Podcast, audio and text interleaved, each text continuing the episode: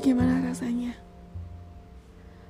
ketika orang lain tahu bahwa diri kita tengah mencoba semestinya, tengah mencoba untuk berada dekat dengan impian kita.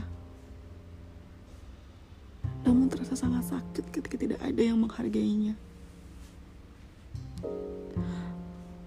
Terasa begitu sangat muak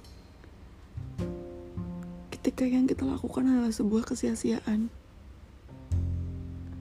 Merutuki diri kita dengan sangat bodohnya dan berpikir, apakah Tuhan sangat tidak adil kepada kita? Percayalah teman,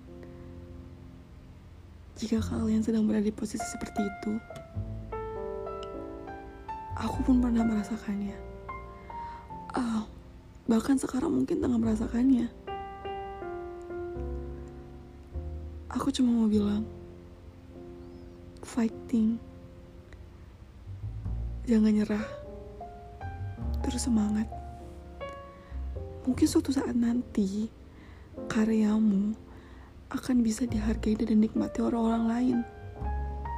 Mungkin bukan sekarang. Tunggu saja. Tuhan tahu yang terbaik untuk kita.